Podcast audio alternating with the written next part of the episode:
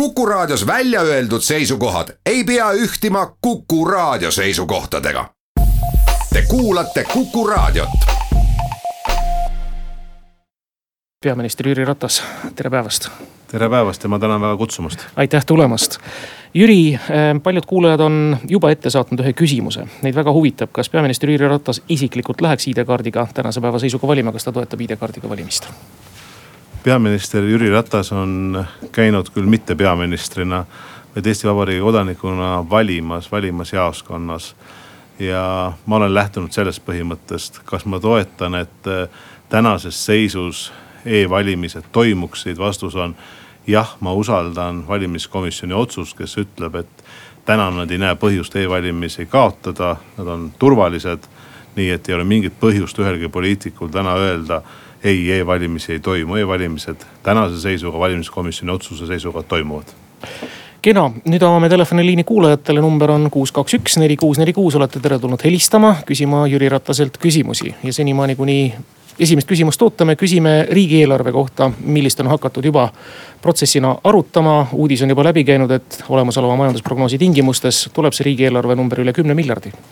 vastab tõele jah, et äh, see on siis äh, kaks tuhat kaheksateist aastal ületavad riigieelarve nii äh, kulud ja tulud esmakordselt kümne miljardi piiri. ja valitsus, ma kindlasti ütlen, et majandab selle rahaga väga vastutustundlikult. me oleme esmakordselt nüüd istunud valitsusega maas kahe tuhande kaheksateistkümnenda aasta eelarve mõttes tegelikult ju sellel aastal mitmeid kordi, kui me tegime riigieelarve strateegiat. siis peale seda, kui Isamaa Res Publica Liidus toimus esimene vahetus, siis me arutasime riigieelarve otsuseid ja nüüd, et kaks tuhat kaheksateist riigieelarve eelnõu saata riigikogu poole, seda peab tegema siis valitsus hiljemalt septembri lõpuks, kindlasti me saame sellega hakkama. eile oli esimene ülevaade, see oli majandusprognoos, rahandusprognoos personali ülevaade. ja täna hommikul me olime koos nõupidamisel ja jätkame homme, nii et ma tahan, mida ma tahan öelda kindlasti, et mis on võib-olla mõned märksõnad, et riigieelarve peab olema vastutustundlikult koostatud. kindlasti me saame öelda seda, et selles perspektiivis, mida me täna vaatame, võlakoormus väheneb, valitsussektori eelarve on tasakaalu lähedal nii et äh, ja Eesti maksukoormus püsib järgmistel aastatel stabiilsena alla kolmekümne, kolmekümne viie protsendi sisemajanduse koguproduktist. Telefon kuus, kaks, üks, neli, kuus, neli, kuus on helisenud, tervist. tervist härra peaministrile ja, ja saatejuhile. Selline kiire küsimus, et millal ükskord saab teoks presidendi rahva poolt valimine, millest on nii palju ja pikalt räägitud, et ei toimuks enam sellist palagani nagu, nagu meil siin just äsja oli, et et kas see äh, on veel äh, reaalne, et võetakse vastu sihukeseid otsuseid või, või on see jälle pandud kuskile sahtlisse ära, aitäh teile. aitäh, äh, ma olen täiesti veendunud, et Eestil on olnud ja mitte suusoojaks väga tublid presidendid. Kindlasti ka tänane Eesti Vabariigi president Kersti Kaljulaid teeb oma tööd väga hästi. nüüd vastates teie küsimusele hästi lühidalt, saab reaalsuseks siis, kui on viiskümmend üks riigikogu häält, kes ütleb, et nad toetavad otsevalimist, täna ei ole seda ja täna valitsuskoalitsioonis, tänases valitsuskoalitsioonis ka seda konsensust ei ole. tõsi küll, minu meelest presidendivalimisi tuleks analüüsida uuesti ja just sellest vaatevinklist, et me teame, et haldusreform on täna käimas see lõpeb äh, viieteistkümnenda oktoobriga, kui on kohalike omavalitsuste valimised. siis jääb omavalitsusi kahesaja kolmeteistkümne asemel järele seitsekümmend üheksa. nii et seda teist ringi ehk niinimetatud valimiskogu, valijameeste kogu ringi tuleks kindlasti üle vaadata. see, et rahvas saaks otse valida, konkreetselt minu seisukoht, pean seda õigeks min,. minu erakonna seisukoht, me peame seda õigeks vastates teile, millal see realiseerub, siis kui riigikogus on enamus olemas. täna kolmeteistkümnendas koosseisus seda enamust ei ole järgmine helistaja, tervist. tervist. eilses ETV saates äh, Ringvaate esines Keskerakonna juhatuse liige Marika Tuus-Laul ja ta teatas, et Edgar Savisaare protsess on poliitiline protsess. et äh, tegemist on Keskerakonna juhatuse liikmega minu arvates ja minu teada ja et kui Keskerakonna juhatusel on mingeid pädevaid tõendeid või fakte selle kohta, et tegemist on poliitilise protsessiga, miks siis Keskerakonna juhatus ei esita neid tõendeid kohtule?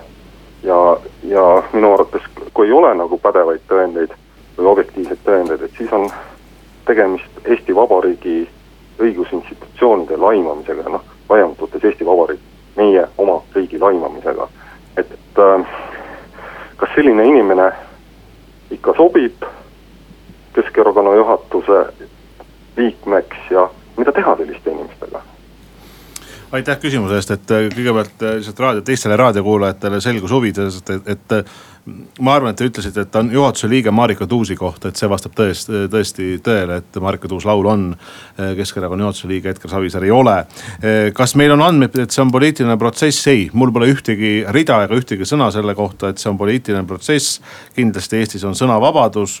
Eh, kui ma olen olnud opositsioonipoliitika väga mitmeid aastaid olgu need erinevad foorumid, erinevad saated, avalikud esinemised. ma olen öelnud siis nii ja ütlen ka täna nii, olles koalitsioonis Eesti Vabariigi peaminister. kindlasti mina usaldan Eesti Vabariigi õiguskaitse institutsioone, erinevaid õigusmõistmise institutsioone, loomulikult meie kohtusüsteemi. ja kohus ongi see, kus tuleb siis välja selgitada see tõde. Nüüd, mis nende inimestega teha, Marika Tuus-Laul kandideeris Keskerakonna kongressil viimasel, mis toimus Paides viiendal novembril. ta ei saanud juhatusse valituks peale seda, kui tänane peasekretär Mihhail Korb astus Keskerakonna juhatusest tagasi ja siis ta asus eh, täitma Keskerakonna peasekretäri ülesandeid. siis Marika Tuus-Laul oli esimene asendaja, kes tuli juhatuse liikmeks sisse, nii et eh, sõnavabadus on meil olemas, aga kui te küsite, kas see on kuidagi Keskerakonna juhatuse üldotsus. ei, ta ei ole üldotsus ja täna on ju teada, et Keskerakonna ja Edgar Savisaare teed on läinud väga selgelt ja konkreetselt lahku me oleme kohalikel omavalitsustel konkurendid. mul on muidugi kahju, et väga paljud Keskerakonna liikmed, sealhulgas Edgar Savisaar on pööranud selja meie valijatele, meie, meie programmile, aga see seis täna nii on kuus, kaks, üks, neli, kuus, neli, kuus, me jõuame enne pooltunni uudiseid vastu võtta ilmselt viimase küsimuse, tervist. tervist Kuku raadio ja tervist lugupeetud peaminister. mind huvitaks selline küsimus, et milles seisneb Edgar Savisaare fenomen et tema hoidis Keskerakonda peaaegu kakskümmend neli aastat koos. ja nüüd teie olete natukene siin ühe aasta võib-olla juhtinud ja selline noh, ütleme hämmastavad asjad toimuvad Keskerakonnas. kas ei oleks äkki vaja karmimat kätt, aitäh teile. Ma tänan teid, et see on muidugi, kui raadio kuulaja küsib ja kõrgeim äh, võim on alati rahvas. ja kui rahvas küsib, ma pean seda vastama, muidugi vabandan teiste ees võib-olla, kui see läheb äh, väga ühe erakonna keskseks, aga midagi ei ole teha, see oli küsimus ehm, vastab tõele, et äh, Edgar Savisaar oli väga pikalt Keskerakonna esimees, ta hoidis erakonda koos. noh, siinjuures ma arvan, et tuleb vaadata ajalugu, et Keskerakonnast on väga paljud mine-, väga palju minemisi olnud üheksakümnendate aastate alguses, üheksakümnendate aastate keskel. kahe tuhandete aastate alguses ja ka kahe tuhande üheteistkümnendal, kaheteistkümnendal aastal, nii et neid minemisi on olnud päris tublisti kahjuks on olnud pigem reegel see, et Keskerakond ei ole suutnud kunagi oma fraktsiooni täiskoosseisu, kes on valitud, saavutada, on ära mindud viiekesti, on ära mindud veel, veel suuremalt. mis Keskerakonnas toimub ja kas on vaja karmimat kätt? Jüri Ratas on meeskonnamängija. ja, ja tegelikult poliitika on üks suur e, meeskonna kooshoidmine, konsensuse leidmine, ühisosa hoidmine. Keskerakonnas te ütlesite, et on toimunud väga palju muutusi, vastab tõele. me olime veel kahekümne teisel novembril kaks tuhat kuusteist opositsioonierakond, kus me olime olnud praktiliselt kümme aastat. Keskerakond on täna valitsuses, me saame viia oma programmi, oma seisukohta ellu. see, kas see on õige või vale, seda otsustab kõrgem võim ehk rahvas. Keskerakond ei ole kunagi hoidnud ka erakonnana peaministri positsiooni ja vastutust, täna ta hoiab. Keskerakond järgmist tulemust nagu teisedki erakonnad, ükskõik mis nimed nad on, näitavad oma oma järgmist tulemust viisteist oktoober, kui toimuvad kohalike omavalitsuste valimised. Telefon stuudios on kuus, kaks, üks, neli, kuus, neli, kuus, olulisemad numbrid on kõik öeldud ja ootame helistajaid. Jüri Ratas on stuudios vastamas küsimustele, tervist. tervist, mina tahan küsida selle viie tuhande elaniku arvu kohta, need sundliitmised. Ja kogu aeg ma olen mõelnud, et iseseisev Eesti ja sundliitmised, et see kuidagi jah, ja miks see viis tuhat on võetud, peaks ikka vaatama nii, nagu inimesed toime tulevad valdades. ja siis ma tahan Jürit väga hoiatada, katoliku kirik on täiesti vale, et ei ole siia mingit missionimaja vaja ja Euroopa Liit see tähelipp ja kõik see on seotud tegelikult katoliku kirikuga. Vatikan on seda õnnistanud, aga see on vale tee, täiesti kindlalt kohe tean. ja siis jah, need väljaviskamised erakonnast, kuidagi see mõjub nii, noh, see mõjub halvasti, ma tänan. aitäh küsimuse eest, et ma püüan siis anda nendele erinevatele aspektidele ka vastuse. viis tuhat, noh, et kõik kuulajad saavad aru, on jutt siis sellest, et kui hakati haldusreformiga pihta, siis öeldi, et see piir, kuhu omavalitsused peaksid jõudma, et on viis tuhat elanikku. tõsi on see, et tänane valitsus äh, vaatas läbi kõigepealt punkt üks, et tuleks ka omavalitsustele juurde rahastus, näiteks järgmise aasta eelarves, kui siin oli paar sõna saate alguses või keskel juttu ka eelarves, siis üks punkt, mis järgmise aasta eelarves saab olema, on kolmkümmend miljon, kolmekümne miljoni lisarahastus kohalikele omavalitsustele. ja seda nii, et nad ei saa ühtegi kohustust selle eest, et nad nad saavad ise oma äranägemise järgi oma valla või linna elukeskkonda muuta paremaks oma elanikele. On see kommunaalvaldkond, sotsiaalvaldkond, haridusvaldkond, see on nende otsus. nüüd ähm, on tehtud ka see, et konkreetselt Eh, jagada ära ülesanded, näiteks kui maavalitsused kaovad, et mis ülesanded jäävad kohalikule omavalitsusele ja mis ülesanded jäävad eh, siis valitsustasandile. üldiselt ma ütlen seda, et mina ja ma täna tunnetan, et kogu valitsus, eh, nii sotsiaaldemokraadid kui ka Isamaa Res Publica liit ja kindlasti ka Keskerakond. et omavalitsusi meie võtame partnerina, see ei ole nii, et omavalitsused on kuidagi valitsuse all, vastupidi, omavalitsused on kindlasti valitsuse jaoks partnerid ja tõsi on see, et viimases valitsuse otsuses on tehtud ka teatud erandid omavalitsustele, kes siis seda viie tuhande piiri ei oma. no ma toon mõningad ainult siin välja, näiteks Luunja, näiteks Nõo, aga ka näiteks Häädemeeste, kus on jäänud äh, puudu siis äh, viie tuhande piirist ja neid on mõned veel. Circa kuskil natukene alla kümnekonna erandi ma selles mõttes olen nõus, omavalitsuse reformi ei ole eesmärk ei ole see number, kas on viis tuhat, kuus tuhat või, või seitseteist tuhat.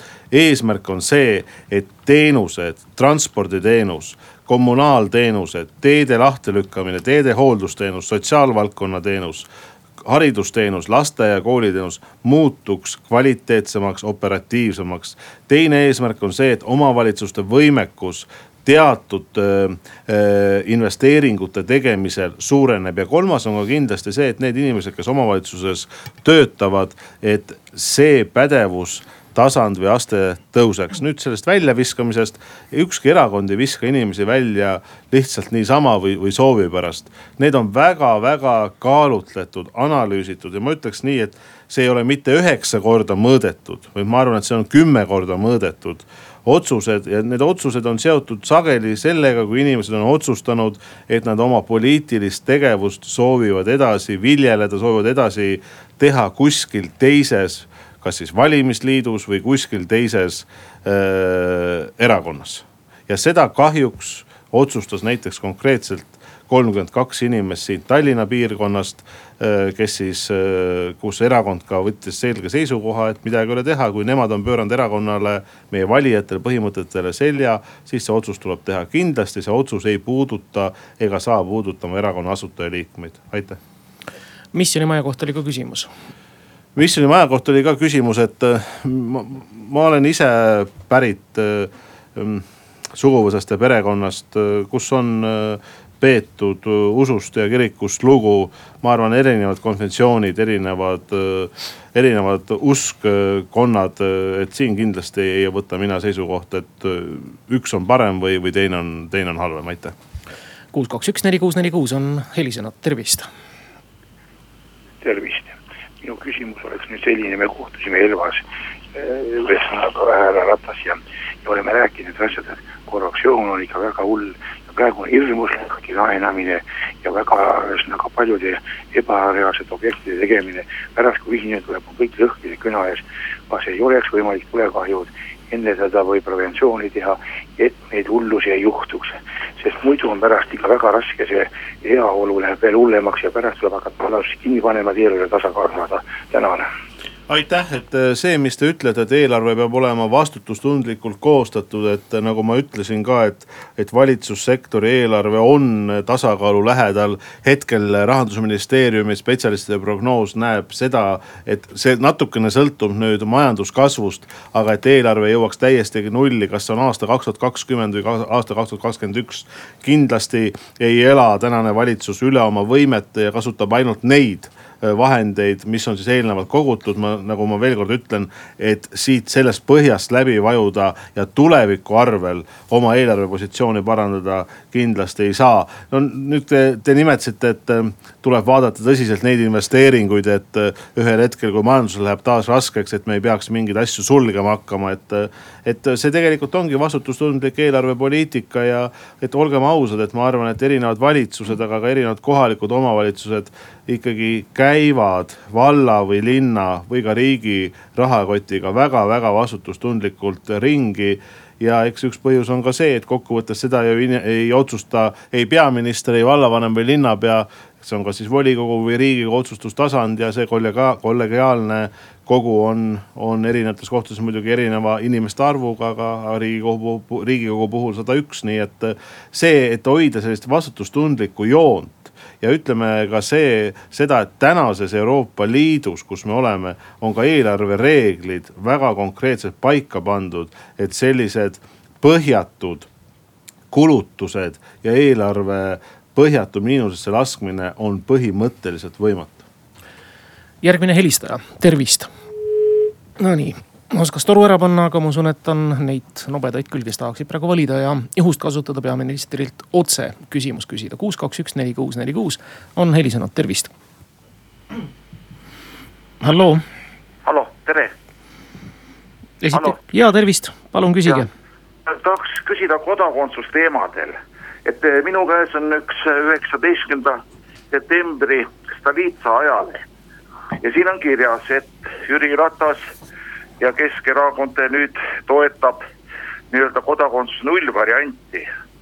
et äh, enam ei ole vaja anda nagu eesti keele eksamit, et piisab ainult äh, avalduse kirjutamisest, et selline otsus on vastu võetud kolmandal septembril. kas see on mingi volikogu vist ja selle info on siin edastanud Yana Toom. tahtsin küsida, kas selline info vastab tõele, aitäh aitäh teile, kõigepealt äh, Keskerakond, Jüri Ratas ei ole kunagi toetanud kodakondsuse nullvarianti, punkt üks. tõsi, millest Keskerakond on rääkinud, on rääkinud sellest, et meil Eestis elab circa täna kaheksakümmend tuhat inimest, kellel on taskus hall pass ehk kellel ei ole kodakondsust nüüd äh, Keskerakond on andnud sisse, kui ta oli opositsioonis, aga meie seisukoht koalitsioonis on sama on andnud sisse eelnõu, et need inimesed, kes on Eesti riigis elanud enne kahekümnendat augustit tuhat üheksasada üheksakümmend üks kes on lojaalsed Eesti riigile, kes on lojaalsed ja täidavad Eesti Vabariigi põhiseaduslikku korda ja seadusi. tõesti, nendele inimestele võiks teha teatud mööndused nii eh, põhiseadus kui ka keeleeksami osas see kindlasti ei saa puudutada neid inimesi, kes kunagi on töötanud näiteks toonases Nõukogude Liidu erinevas sõja või militaarvaldkonnas. see kindlasti ei saa puudutada neid inimesi, kes on siia sisse tulnud peale kahekümnendat augustit üheksakümmend üks ma olen öelnud ju seda välja ka peaministrina, et tegelikult sellist diskussiooni enne järgnevaid riigikogu valimisi, mis toimuvad kahe tuhande üheksateistkümnenda aasta märtsikuuses. et see diskussioon võiks Eesti ühiskonnas olla minu arvates, sest seda on soovitanud ka väga paljud äh, rahvusvahelised organisatsioonid, et tegelikult see küsimus, kus on kaheksakümmend tuhat inimest, kellel ei ole kodakondsust, lahendada tuleb aus vastus nüüd, kui küsida teiste erakondade käest, kes hetkel on äh, riigikogus, ütlevad, et selle teemaga nende arvates tegeleda ei ole vaja no eks seda siis valimiseelne periood näitab, et kas seda tuuakse oma programmides üles või mitte. kindlasti Keskerakond ei toeta nullkodakondsuse varianti. kindlasti Keskerakond ei pea seda õigeks, et kõigile saadetakse Eesti passid koju. nii see käia ei saa. kuus, kaks, üks, neli, kuus, neli, kuus võtab enne reklaamipausi vastu nüüd viimase kõne, tervist. Mul tekkis eile õhtul küsimus, kui ma avastasin, et mu ID-kaart hakkab lõppema. siis mul tekkis nagu küsimus, et, et kas hetkel on olukord see, et ma lähen maksan täisraha nii-öelda riigilõivu näol ja saan vastu praegu ka veel vigase ID-kaardi ju. aga ma ei ole seda meediast nagu kuulnud, et kas kõik praegu väljastatavad ID-kaardid on ka vigased ja kas selle eest tuleb maksta ikkagi nii-öelda sada protsenti riigilõivu või? Aitäh. ma tänan teid selle küsimuse eest, see, mida te eile õhtul avastasite, kõigepealt see on väga hea, et te vaatate, kas ID-kaart kehtib või ei kehti, kindlasti vahetage ära oma ID-kaart.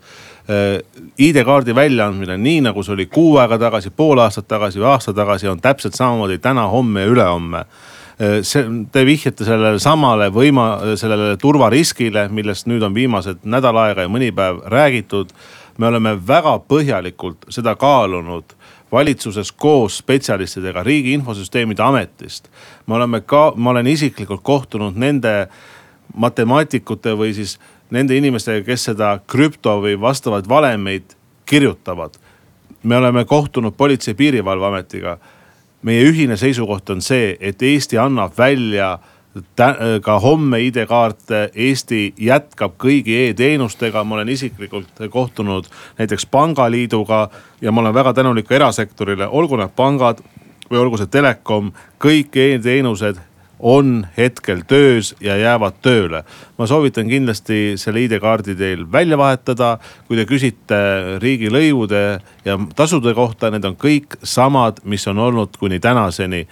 ma saan aru, et see küsimuse mõte oli see, et kas need on siis viidud riigi poolt täna teatud allahindlus või, või võetakse selle eest vähem tasu. ei, see, see tasand on täpselt sama, mis ta on kogu aeg kehtinud. ja ma selles mõttes kindlasti ei nõustu hetkel sellega, et riik annab kuidagi vigaseid või valesid ID-kaarte välja. tõsi, see turvarisk on olemas ka nendel kaartidel, mis antakse täna, homme või ülehomme välja. aga hetkel käib selle turvariski ja selle küsimuse lahendamine, see lahendamine on siis infotehnoloogiline, matemaatiline. meie riigi parimad spetsialistid on öelnud, et see võtab aega natukene rohkem kui kuu kuu-paar ja see saab korda, siis me anname kindlasti Eesti inimestele teada, et nüüd saab kaks, kaks võimalust, kas on siis sertifikaadi kauguuendamine, mida saab teha oma äh,, läbi oma arvuti ja siis see ID-kaardi peal olev kiip ja tarkvara on korras või inimene, kes soovib minna sel hetkel Politsei- ja Piirivalveameti teenindusbüroosse, saab teha ka seal oma ID-kaardi korda. kui ta soovib saada ka uut ID-kaarti, siis kindlalt vastavad lahendused teatud aja või perioodi jooksul riik, riik loob.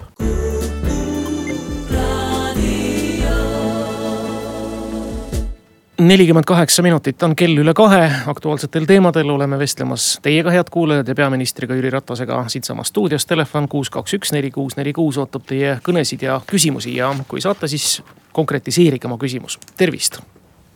tervist, härra Ratas. halloo. tervist. võib rääkida või? ja palun.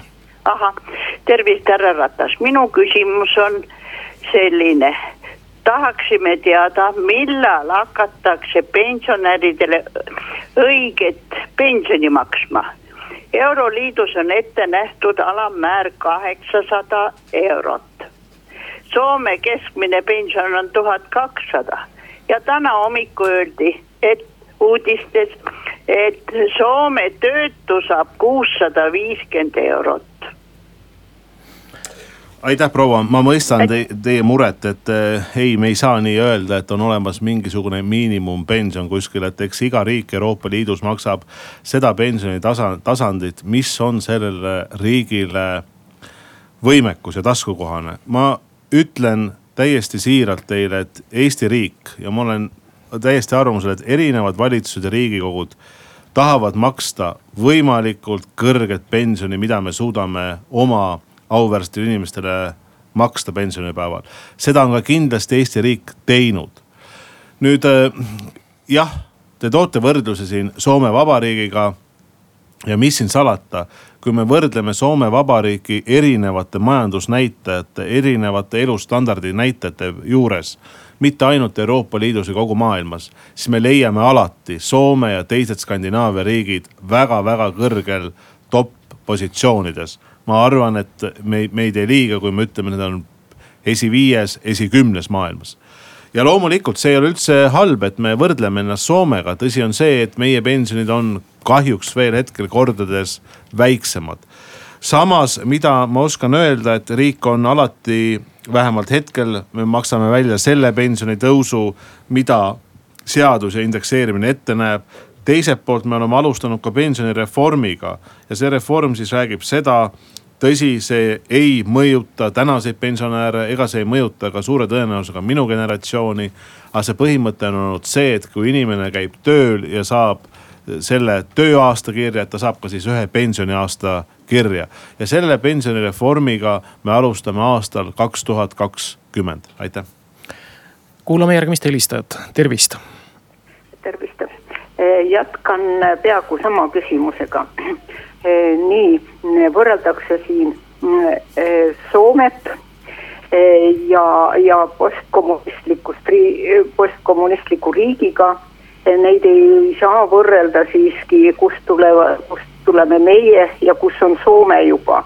et mingisuguseid võrdlusi siin küll nüüd ei kannata välja, et, et Soome elatustase on nii kõrge ja seal on nii ähm, noh, no lihtsalt see on natuke nagu rumal kuulda, et äh, kui mm, investeeritakse. kommentaari Euro... tasemel küsimus, meil on lihtsalt kiire natuke ja teised tahavad ka küsida. kui Euroopa Liit annab äh, raha teede ehituseks ja lennukite lendamiseks, äh, miks inimestesse siis ka ei, ei, ei anna seda raha, ütlen, küsimus on lihtsalt kohe öeldud nii. aitäh teile aitäh teile, et äh, ma, ma arvan see, et eelmine küsija võrdles Eestit Soomega, et, et see on ju nii inimlik see võrdlus on nii inimlik, arusaadav, Soome on meie naaber ja seda me teeme. Äh, kindlasti, mis on uus samm nüüd, on see ka, et need eakad, kes jäävad kahjuks elama üksinda ja kelle majanduslik toimetulek on alla teatud kriitilise piiri, siis ka neile on olemas teatud rahaline ühekordne abi. see on siis üksik eakatele või üksikpensionäridele.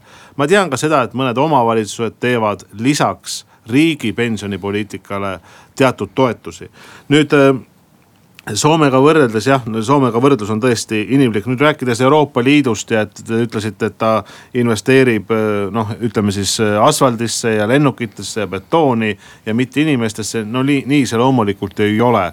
et olgu see sotsiaalharta, Euroopa sotsiaalharta küsimused, olgu see kasvõi seesama näide õpilaste puhul Erasmuse projekt, kus Euroopa Liit reaalselt investeerib inimestesse. olgu see elanikkonna tervis, erinevad Euroopa Liidu investeeringud. et kindlasti need investeeringud ja tegevused on mõlemasse suunda. kuus, kaks, üks, neli, kuus, neli, kuus on taas helisenud, tervist.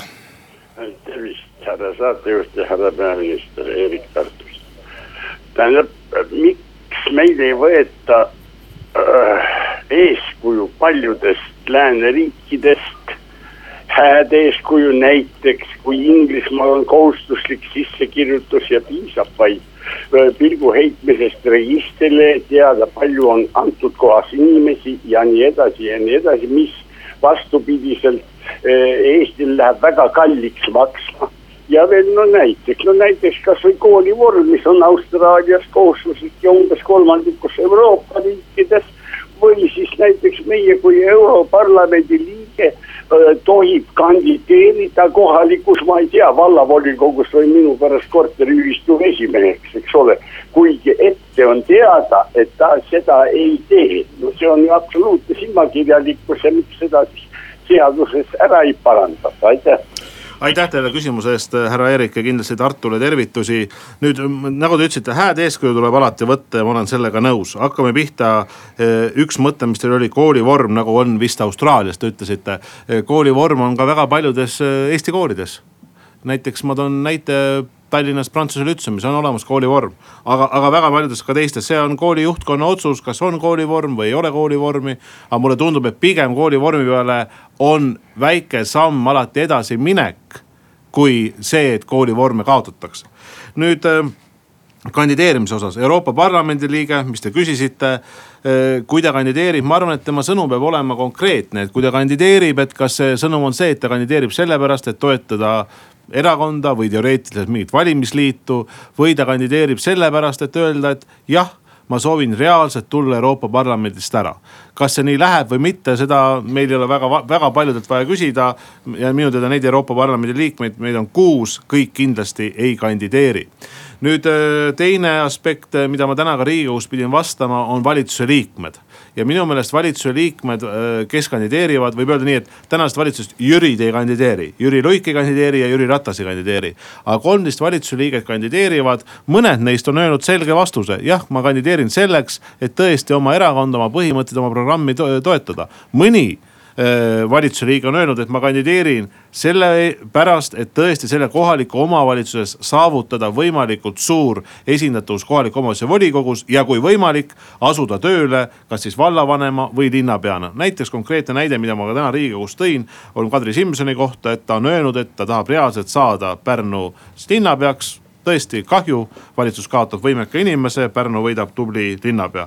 see, kas ta sinna saab või ei saa, on loomulikult pärnakate otsustada. ja nüüd riigikogu tasand, riigikogu tasand on äh, seadus muudetud, et riigikogu liige võib kuuluda kohaliku omavalitsuse volikogusse, seda äh, saab siis äh, otsustada valija ja kui valija seekord otsustab, et riigikogu liige saab valitud kuhugi kohaliku volikogusse, siis ta volikogus võib töötada. samasugune süsteem tegelikult kehtis ka kuni kahe tuhande viienda aastani me kahjuks rohkem küsimusi ei jõua vastu võtta, aitäh kõigile helistanutele. Eh, Jüri Ratas, järgmine kord, kui te tulete, meil on kokkulepe juba olemas kahekümne viiendal oktoobril pärast valimisi. paljud politoloogid on ennustanud, et valija mitte ei vali ainult kohalikesse omavalitsuste volikogudesse liikmeid sinna, vaid ta põhimõtteliselt valib ka Eesti poliitilise tuleviku. Need on lakmuspaberiks nii mõnelegi erakonnale ja võivad käivitada siin üht-teist ka ja protsesse valitsuses. järgmine kord, kui te tulete, kas te tulete siia peaministrina, mis te ennustate? tulete riigikogu teise aseesimehena või lihtsalt kolme lapse isana? Jah, ma, ma saan sellest küsimusest aru, et ma arvan, et äh, kolme lapse isana ma tulen alati siia. aga küsimus on pigem ju seotud selles, ma saan mõttest aru, et kas valitsus püsib või ei püsi. Äh, mul on öelda ainult ühte, et selles valitsuses on kolm erakonda. Isamaa, Res Publica Liit, Sotsiaaldemokraadid ja Keskerakond. kui need kolm erakonda soovivad, et see valitsus püsiks, kui seal on usalduslik suhe ja kõik soovivad ka teha reaalseid tegevusi, mitte lihtsalt istuda laua taga, siis see valitsus püsib. minu tunnetus täna peaministrina on see et need kolm erakonda soovivad, et see valitsus püsiks. Nad soovivad teha reaalseid tege-, tegevusi laua taga ja teha otsuseid ja on usalduslik suhe. ma ei näe mingit põhjust, et kahekümne viiendal oktoobril või kolmandal veebruaril näiteks on see olukord muutunud. kui see valitsus loodi kahekümne kolmandal novembril kaks tuhat kuusteist, siis see mõte oli üks. see valitsus töötab kahe tuhande üheksateistkümnenda aasta korraliste riigikogu valimisteni ja siis otsustavad Eesti inimesed, kes saab riigikokku valitud ja kes moodustab koalitsiooni. mul on hetkel väga tugev usk, et see valitsus läheb edasi. seega siis kohtume kahekümne viiendal oktoobril peaminister Jüri Ratasega, aitäh. see on suur au mulle